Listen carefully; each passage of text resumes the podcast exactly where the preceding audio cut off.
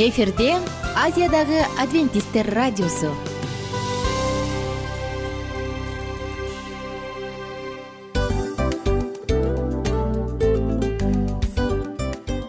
Достор салют.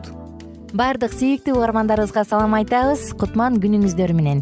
Ден соолук өмүрдүн булагы демекчи саламат саамы программасында баарыңыздарды көргөнүбүзгө абдан кубанычтабыз. Анда алгач амандашып өтөлү арбаңыздар деп. Ден соолугуңуздар кандай элибизде көбүнчө ден соолук кандай дегенде эле жакшы деп жооп беребиз э? ооруп турсак дагы жакшы дейбиз. Анан мен муну айтып ойлойт элем бул абдан сонун сөз депчи анткени бул жакшы деген үмүт да ооба баары жакшы болот баары сонун.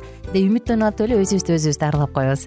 Анысы кандай сиздин дагы ден соолугуңуз жакшы беш деген үмүттөбүз чындыгында ден соолук бул өмүрдүн булагы деп бекеринен айтылган эмес деп ойлойм. Кыргыз элинде анткени эгерде ден соолук жок болсо анда адамдын жашоосунда калган баардык керектүү маңыздуу нерселер өзүнүн баалуулугун жоготуп коет. Ошондуктан ден соолук бул эң керектүү нерсе. Ооба туура айтасың кесиптешим чынында ден соолугуң жок бир эки үч күн ооруп калсаң эле э кандай болуп калат? Жашоодо көз каранды болуп каласың көп нерсеге жетишпей каласың көп нерсени кыла албай каласың жада калса эшикке дүкөнгө да чыга албай каласың. Туптуура анан ден соолук болсо демек биз биздин бактыбыз тоодой деп койсок болот.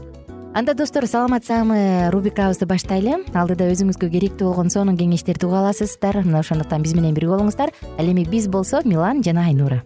Кеттик алга. Алга саламат саама ден соолуктун жарчысы. Саламат саама ден соолуктун ачкычы. Күн сайын сиз үчүн мыкты кеңештер сонун жаңылыктар кызыктуу фактылар биздин рубрикада.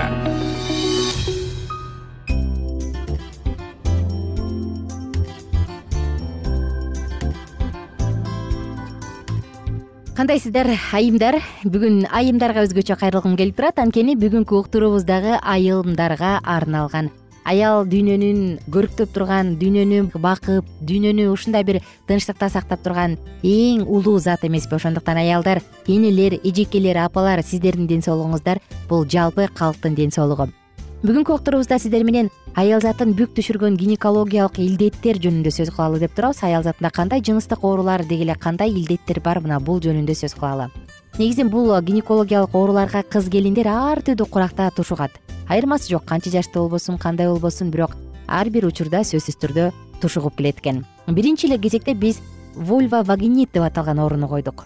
Негизинен вульва вагинит менен өспүрүм курактагы кыздар көбүрөөк ооруйт илдетти ичеги таякчылары гельминтоз астрица деп коебуз. Эксудативдүү диатез инфекция шарттайт. Оору козголгондо кычышуу жаралат дагы ириң сымал суюктук бөлүнүп чыга баштайт. Гигиенаны жакшы сактап жыныс органдарын таза кармоо керек.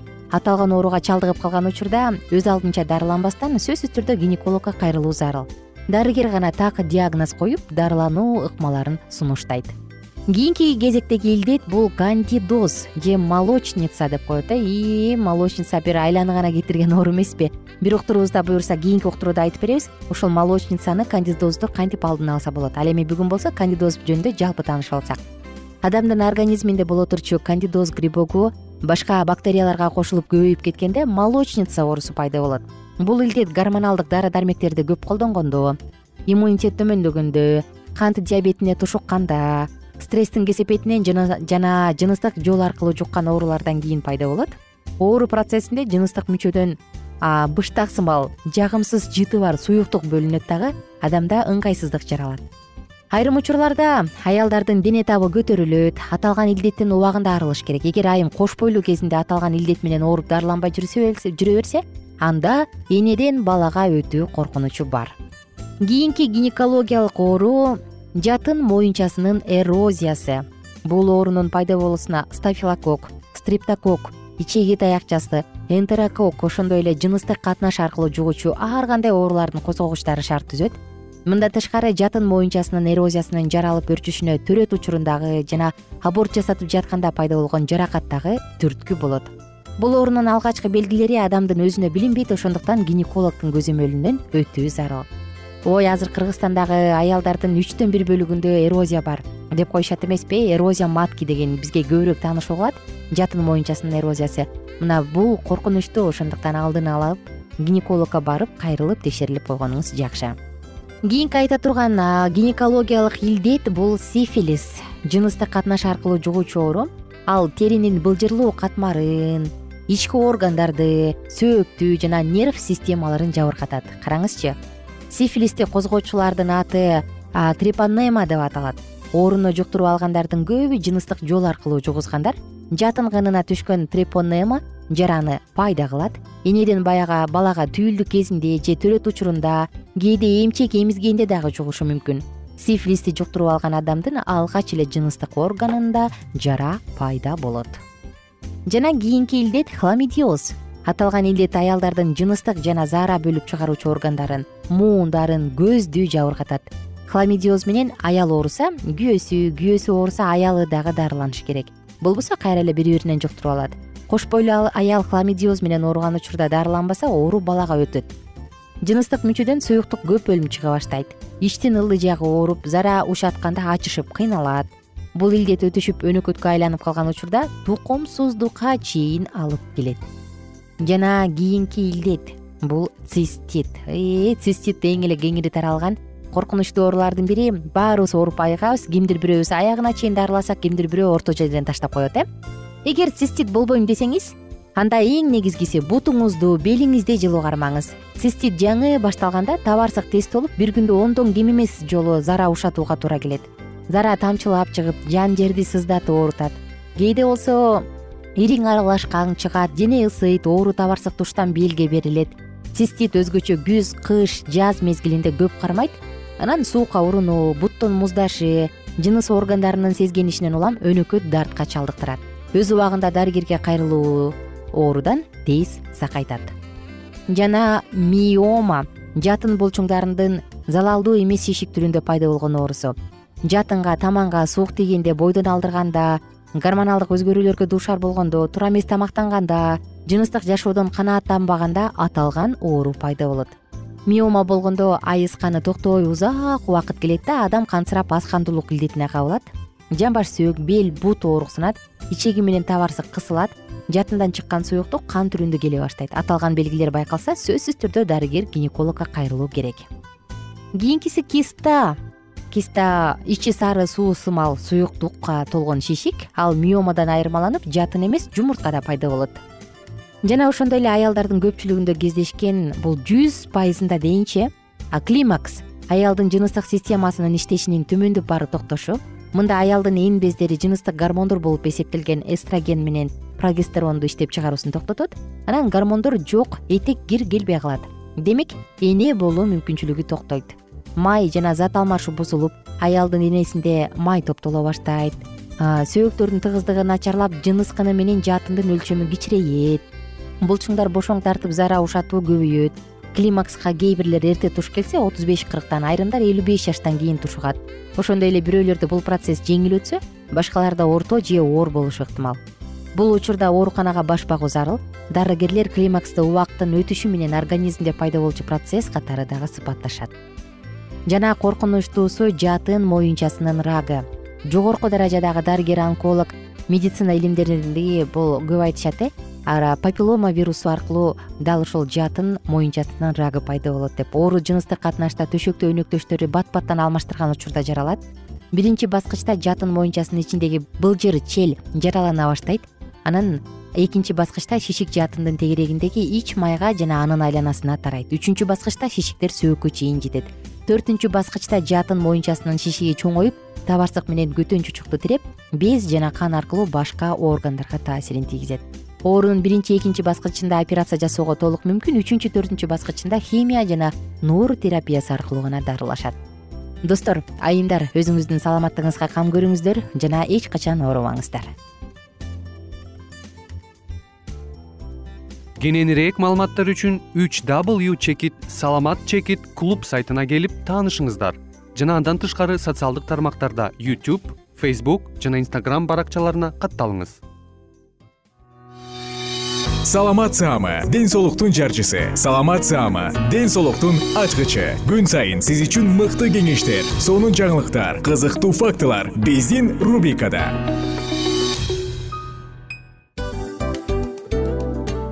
салам достор. Кайрадан биздин сүйүктүү рубрикабызга кош келиңиздер деп айтмакчыбыз. Баардык замандаштарыбызга арбаңыздар деп саламыбызды айтабыз. Улуу ушундай бир урматтаган учурашуу менен анан дил маек радио баракчабызга чакырабыз. Негизи дил маек биздин рубрикабызда эмне жөнүндө кеп кылабыз бул дил маектин мааниси эмнеде рубрикабыз менен кичине тааныштырып кетсеңиз. Сөзсүз түрдө тааныштыра кетейин. Кесиптешим суранычы боюнча бул учурда бул радио баракчада биз ар тарап кесип ээлеринен сонун кеңештерди алабыз сүйлөшөбүз сырдашабыз. Аталарыбыздын эжелерибиздин апаларыбыздын кеңештерин угабыз айтор. Жан дүйнөгө адамдын э, сапатына адамдын деги эле адам болуп жашашына керектүү баардык кеңештер алдыда. Негизи э, дил маек дегенде баягы эки адамдын ортосундагы сырдашуу кенен сүйлөшүү. Негизи эле биз адамдар бири бирибиз менен бир жерге жай жерге отуруп алып өзүнчө тынч э, жашоо жөнүндө өмүрүбүздө эмне болуп атканын бөлүшкөнү жакшы көрөбүз э адамдар. Ооба туура айтасың анан э, мындай учурга кээде убакыт да жетпей келет э. Же болбосо сырыңды кайгыңды муңуңду кубанычыңды айткың келет а адамга ишенбешиң мүмкүн. Ооба. А бул радио баракча угармандарыбыздын чыныгы досу анткени бизден алган кеңеш сиздин жашооңузга чоң жардам берет. Ал эми сиздин бизге айта турган сөзүңүз ортодо гана сыр бойдон калат. Ошондуктан биздин дил маек рубрикабызга дагы бир жолу кош келиңиздер. Жана биз даярдаган маалыматтарга даяр болуңуздар. Айнура жана милан сиздер менен бирге алдыга кеттик ар түрдүү ардактуу кесип ээлеринен. Алтын сөздөр жүрөк ачышкан сыр чачышкан сонун маек. Дил маек рубрикасында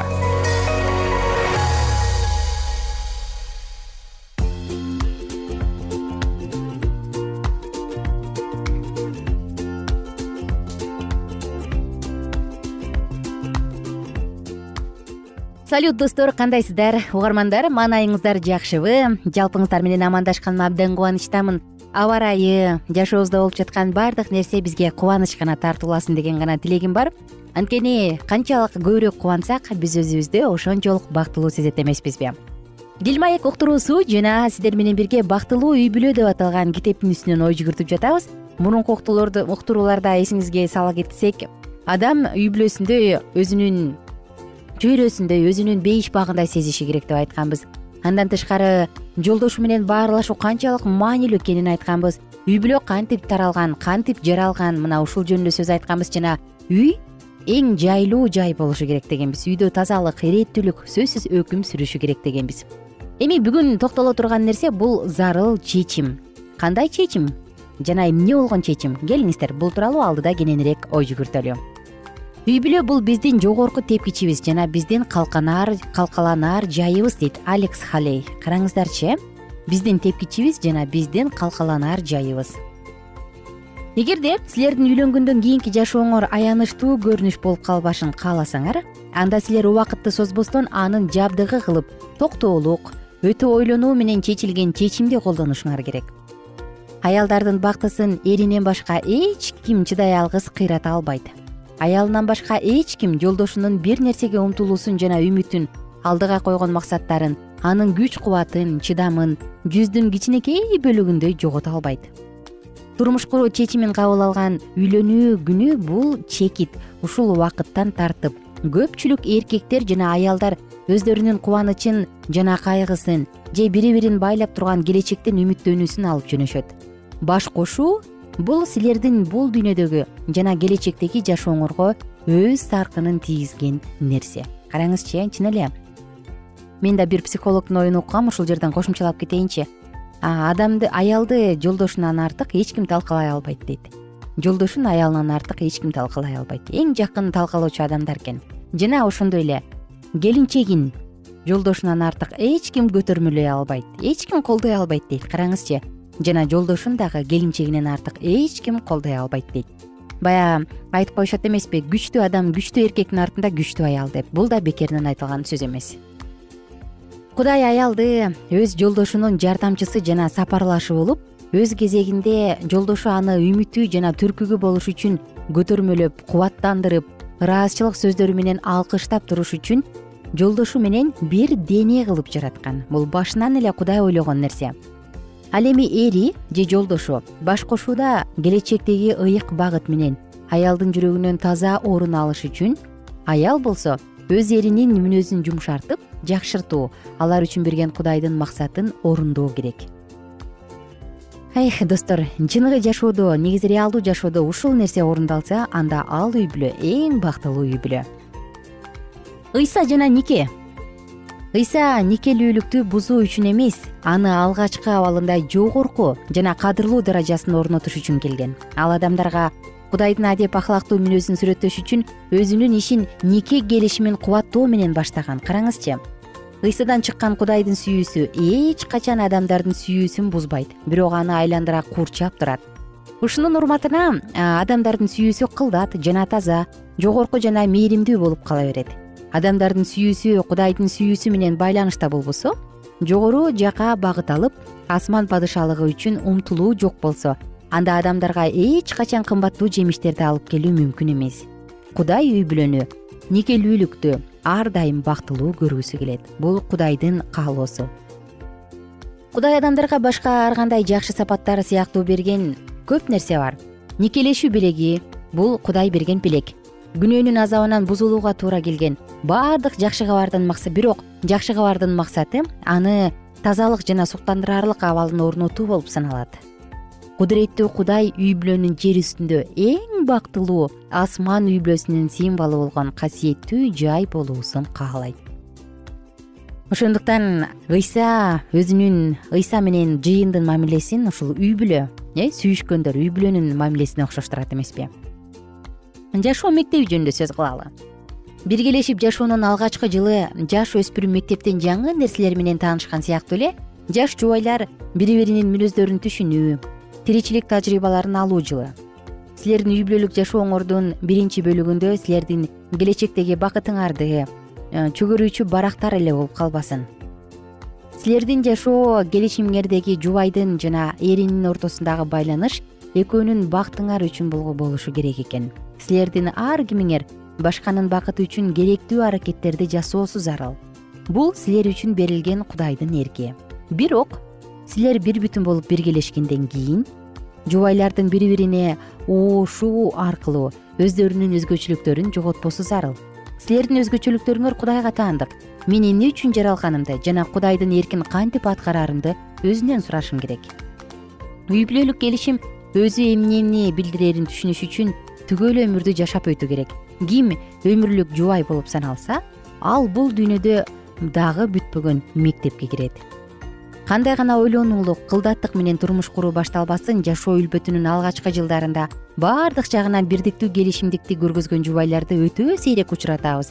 Учуратабыз эки адамдын чыныгы келишими биргелешип жашоонун бир нече жыл аралыгында башталат. Качан жаш үй бүлө турмуштагы кыйынчылыктар кыйналуулар менен кагылышып калганда үй бүлөнү курчап туруучу романтикалык элестетүү жоголуп кетет.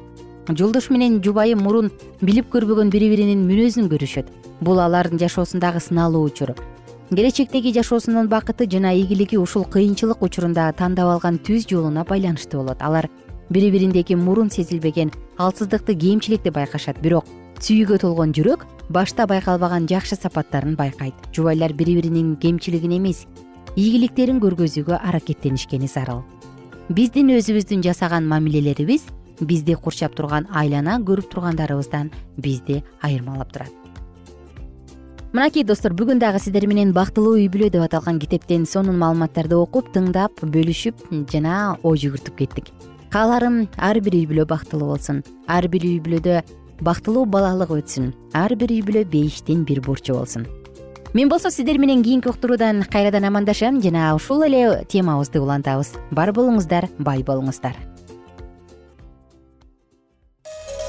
Ар түрдүү ардактуу кесип ээлеринен алтын сөздөр жүрөк ачышкан сыр чачышкан сонун маек дил маек рубрикасында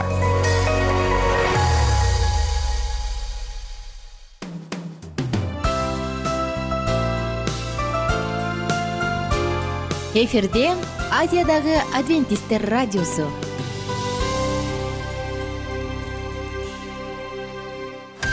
Жан дүйнөңдү байыткан жүрөгүңдү азыктанткан жашооңо маңыз тартуулаган жан азык рубрикасы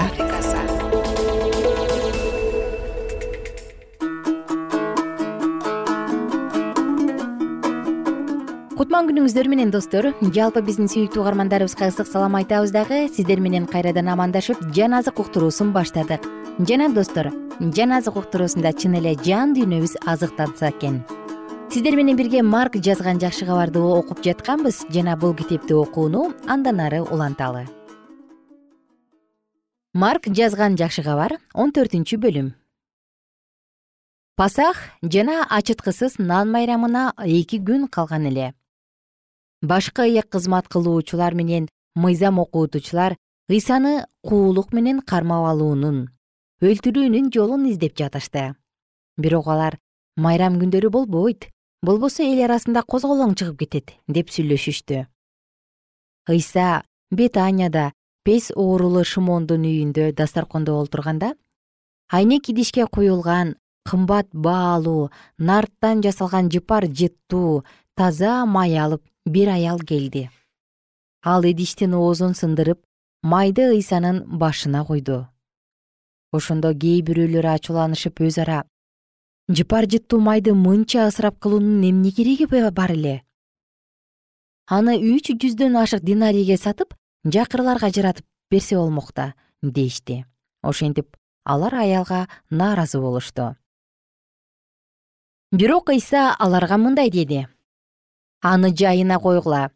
Эмнеге аны оңтойсуздандырып жатасыңар? Ал мен үчүн жакшы иш кылды.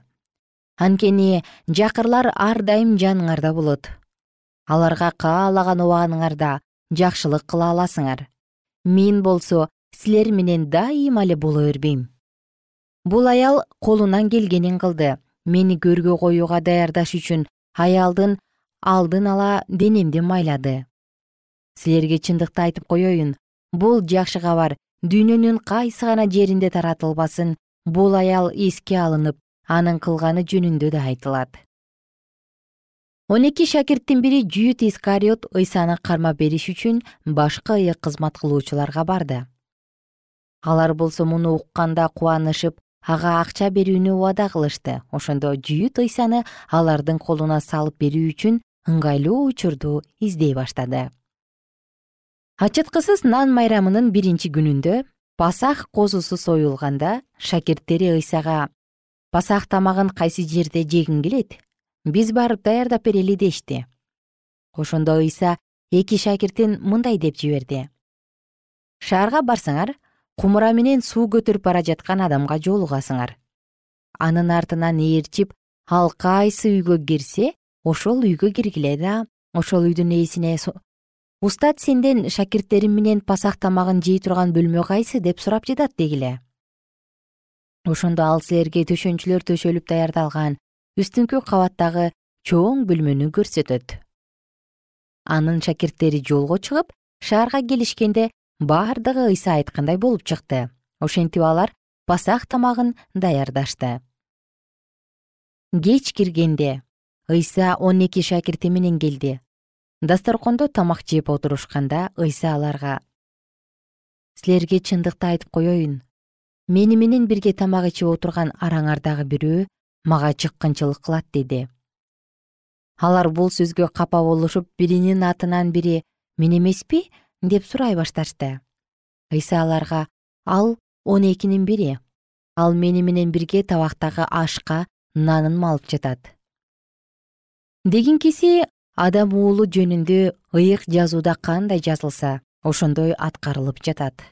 Бирок адам уулуна чыккынчылык кылган адамга кайгы ал адам төрөлбөй эле койсо жакшы болмок деп жооп берди.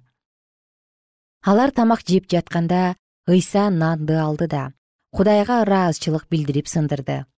Анан шакирттерине берип алгыла жегиле бул нан менин денем деди чөйчөктү да алып кудайга ыраазычылык билдирди да аларга берди. Бардыгы ошол чөйчөктөгүдөн ичишти ошондо ыйса аларга. Бул көптөр үчүн төгүлүп жаңы келишимди беките турган менин каным силерге чындыкты айтып коеюн кудайдын падышачылыгында жаңы шарап иче турган күн келгенге чейин мен мындан ары жүзүм ширесинен ичпейм деди кудайды даңктап ырдашкандан кийин алар зайтун тоосуна жөнөштү ошондо ыйса аларга ушул түнү баарыңар менден шектенесиңер. Анткени ыйык жазууда койчуну жок кылам ошондо койлор туш тушка чачырап кетет деп жазылган. Бирок мен тирилгенден кийин силерди галилеядан тосуп алам деди. Ошондо петр ыйсага бардыгы шектенишсе да мен шектенбейм деди ыйсага чындыкты айтып коеюн бүгүн ушул түнү короз эки жолу кыйкырганга чейин сен менден үч жолу баш тартасың деди. Бирок ал ого бетер күчөп сени менен бирге өлүшүм керек болсо да мен сенден баш тартпайм деди. Ушундай сөздөрдү башка шакирттер да айтышты. Алар гетсемани деген жерге келишти. Ошондо ыйса шакирттерине мен сыйынып келгенче силер бул жерде отуруп тургула деди да петирди жакыпты жаканды ала кетти. Анын тынчы кетип жаны кыйнала баштады. Анан аларга жаным аябай кейип турат бул жерде калгыла да сергек болгула деди. Өзү четкерээк барып жүзтөмөндөп жыгылды да мындай деп сыйына баштады. Эгерде мүмкүн болсо ушул саат менден кыя өтүп кетсинчи. Анан мындай деп сыйынды. Ата сенин колуңдан келбеген нерсе жок. Бул чөйчөктү менден кыя өткөрүп жиберчи. Бирок мен каалагандай эмес сен каалагандай болсун. Ал шакирттерине кайтып келгенде алардын уктап жатканын көрүп петирге шымон уктап жатасыңбы? Бир саат сергек боло алган жоксуңбу? Азгырылып кетпес үчүн сергек болгула сыйынгыла рух сергек дене алсыз деди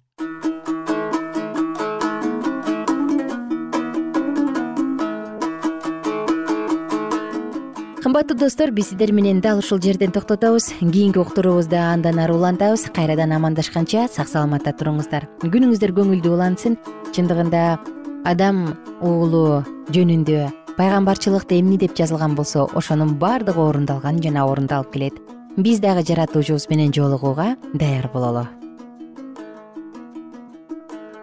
Эгер сиздерде суроолор болсо же көбүрөөк маалымат билем десеңиз анда биздин whatsapp номерибизге жазыңыз. Плюс бир үч жүз бир жети жүз алтымыш алтымыш жетимиш. Кайрадан плюс бир үч жүз бир жети жүз алтымыш алтымыш жетимиш